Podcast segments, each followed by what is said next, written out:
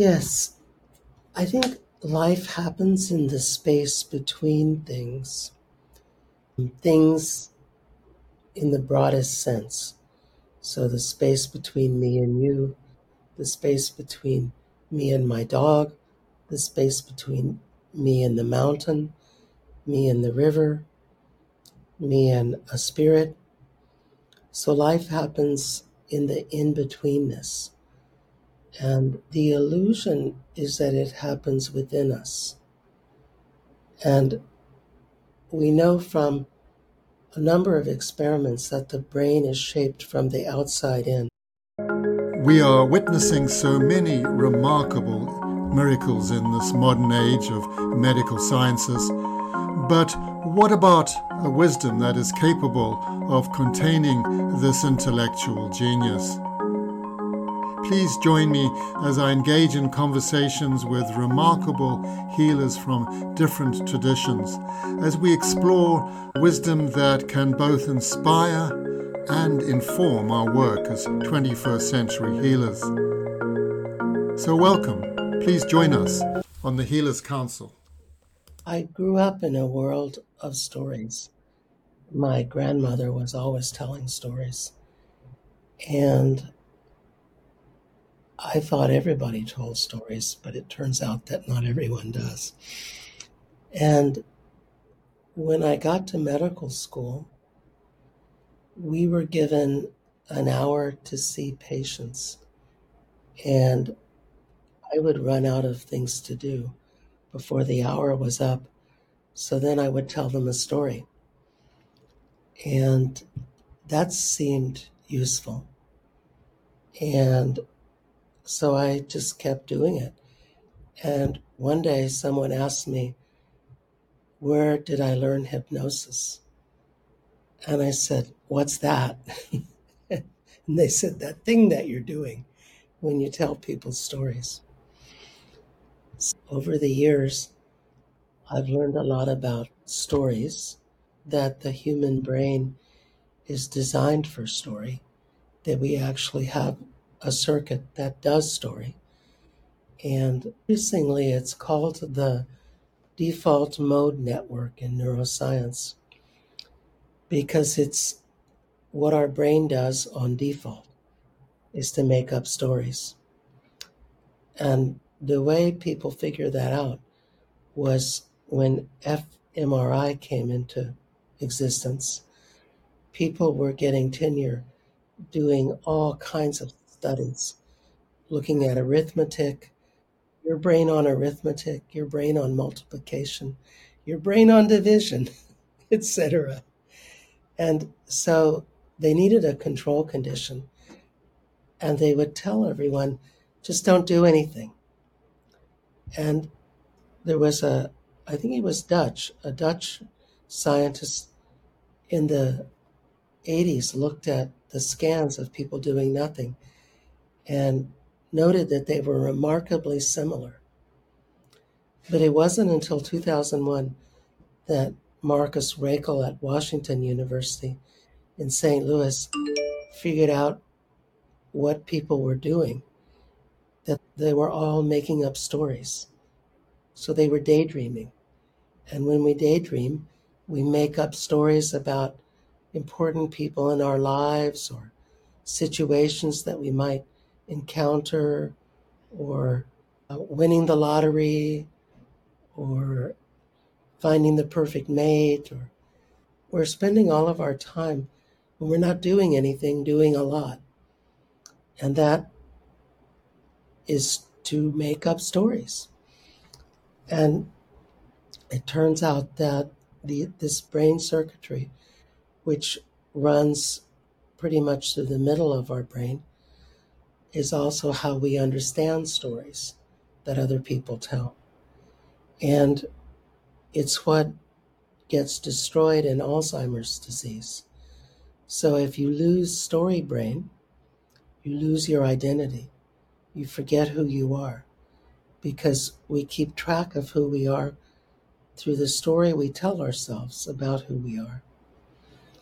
And there's both a Lakota concept of the Nagi and a European version, which is the dialogical self theory and therapy, that talks about how we exist as a swarm of stories.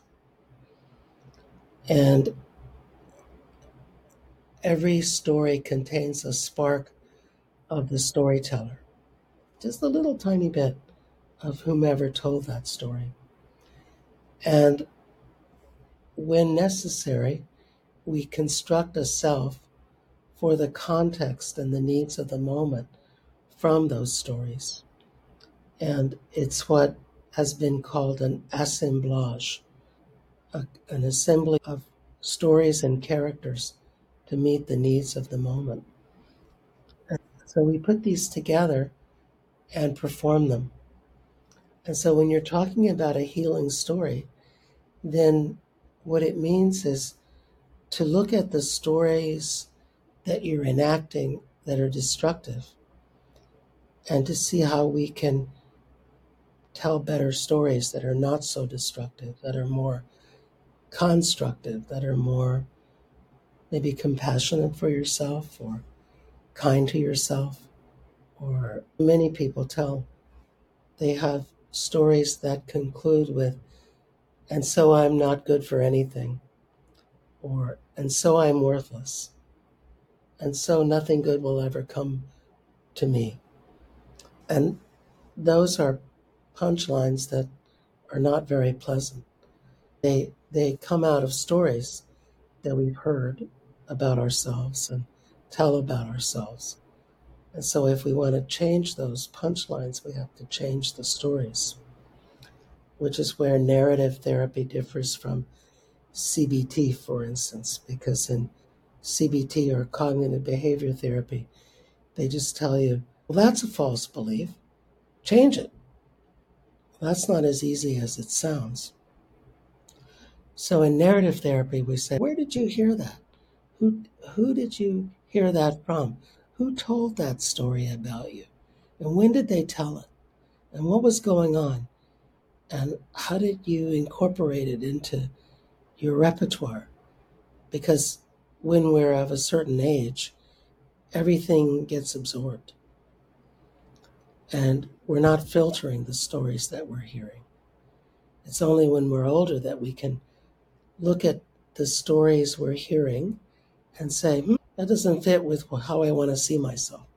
So I'm going to reject that story. I don't agree. But at a younger age, it just takes. And so if we can crit- criticize the story we can criticize the punchline, which in CBT they call the belief. And we can create new beliefs by telling better stories. I would agree. That's an interesting metaphor that I hadn't thought of, but I suspect you're right that Chat GPT goes looking for stories. It's a, it's a story eater. Yeah. I think there's a philosopher, Helmut Rosa, Hartmut Rosa, who's a German at the Frankfurt School, and he just he wrote a book called The Uncontrollability of the World, and he's he has probably the best critique of capitalism that I've ever read, and he talks about how the need in capitalism is for us to feel badly about ourselves because then we'll consume more goods and services. And so he believes that there's more opportunities to feel badly about ourselves now than ever before in history. That and that it's been accelerating. That a few hundred years ago, people lived in tight knit communities and they got together for their entertainment and they spent time with each other and and they had that experience of connectedness of resonance with other human beings and as technology has progressed we've become more and more isolated.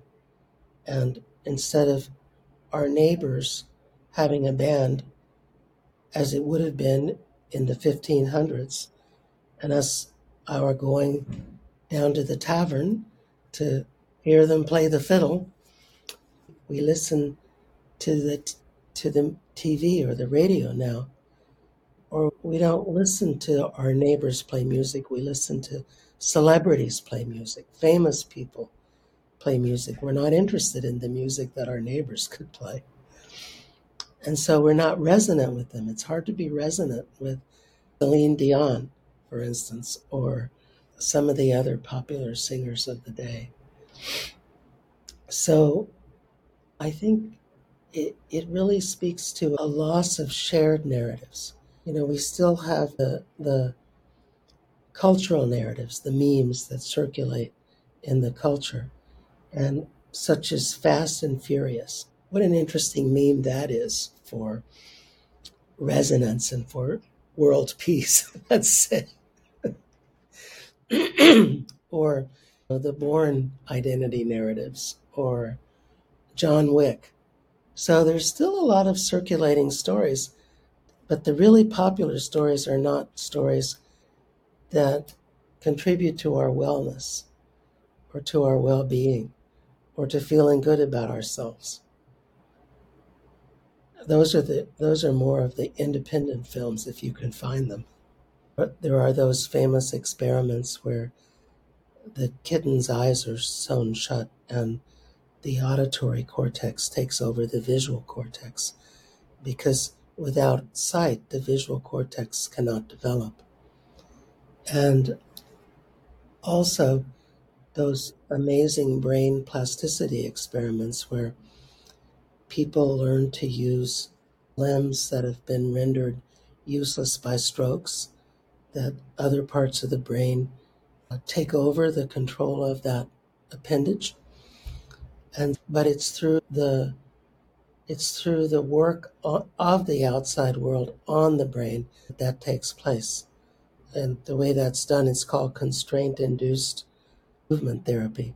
The way it's done is that the good limbs are tied up so you can't use them.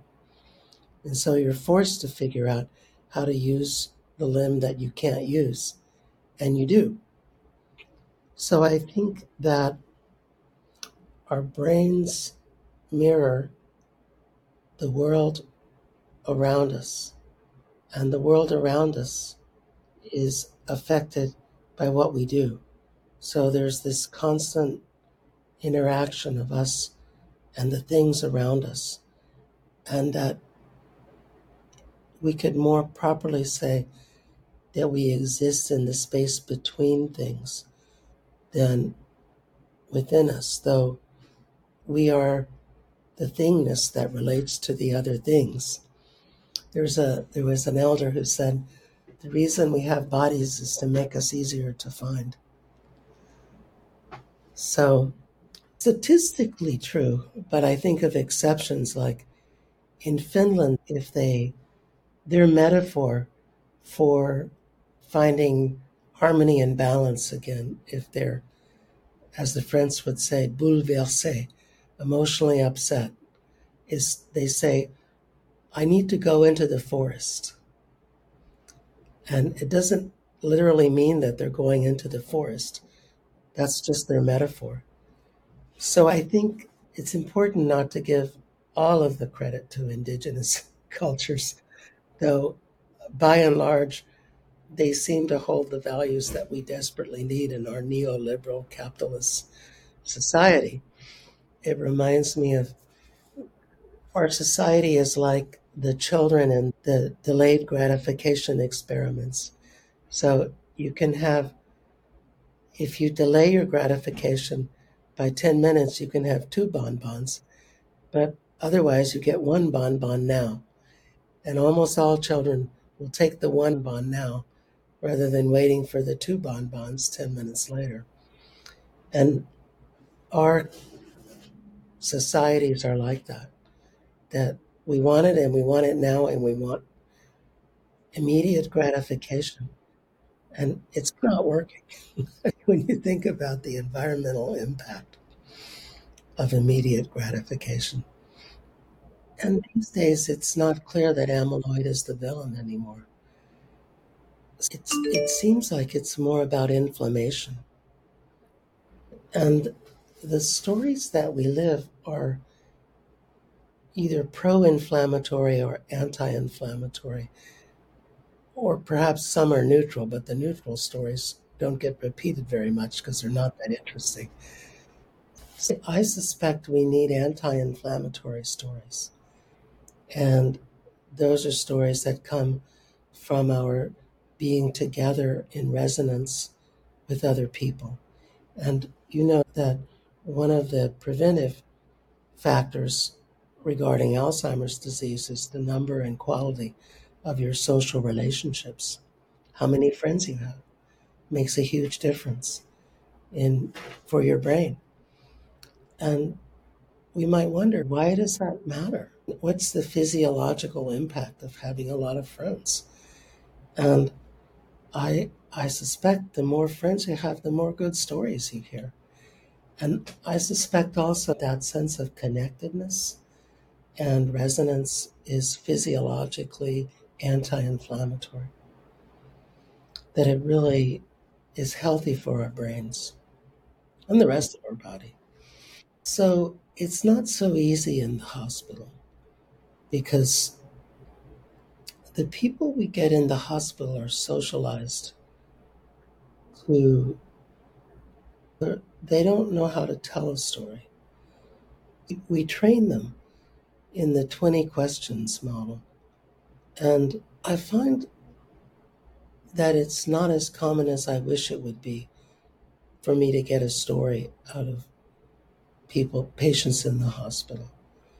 And when in my private practice, it's different because people look for me and they want to do story work. And so we can begin by I have someone who is really angry. And so we went looking for times in his life when situations or people made him angry and he couldn't do he was powerless to do anything about it and i think we hold on to anger in those circumstances because we have this story that circulates, and I don't know where it comes from, that life should be fair. And any good Buddhist will tell you, no, it's not. and they would say, get over it. But when people have that story, and when my client had that story that life should be fair, then he was enraged at these unfair situations. And so we, we looked at who said life should be fair. Life should be fair, of course, but is life fair? No. Has it ever been fair? Not that, not in recorded history. Maybe among roving bands of Cro Magnon people. Maybe in some hunter gatherer communities before war was invented, which happened, I think, about 12,000 years ago. But so this story, so where did you get the story that life should be fair or life is fair? And who said it should be? I agree that it should be. We all think it should be, but is it? Will it be? And from that perspective, we could lead into a kind of forgiveness for himself that he was powerless to change things, to make a situation or a context or the way that he was being treated by someone more powerful than him fair. And I think about the power threat meaning framework in that regard, that what traumatizes us is when we're powerless in the face of threat and, and we're unable to make meaning of the encounter or the situation. And if we can go back and find a way to make meaning, to create a new story, we can feel less traumatized. We can let go of some of the attachment that we have to, to the pain of what happened to us.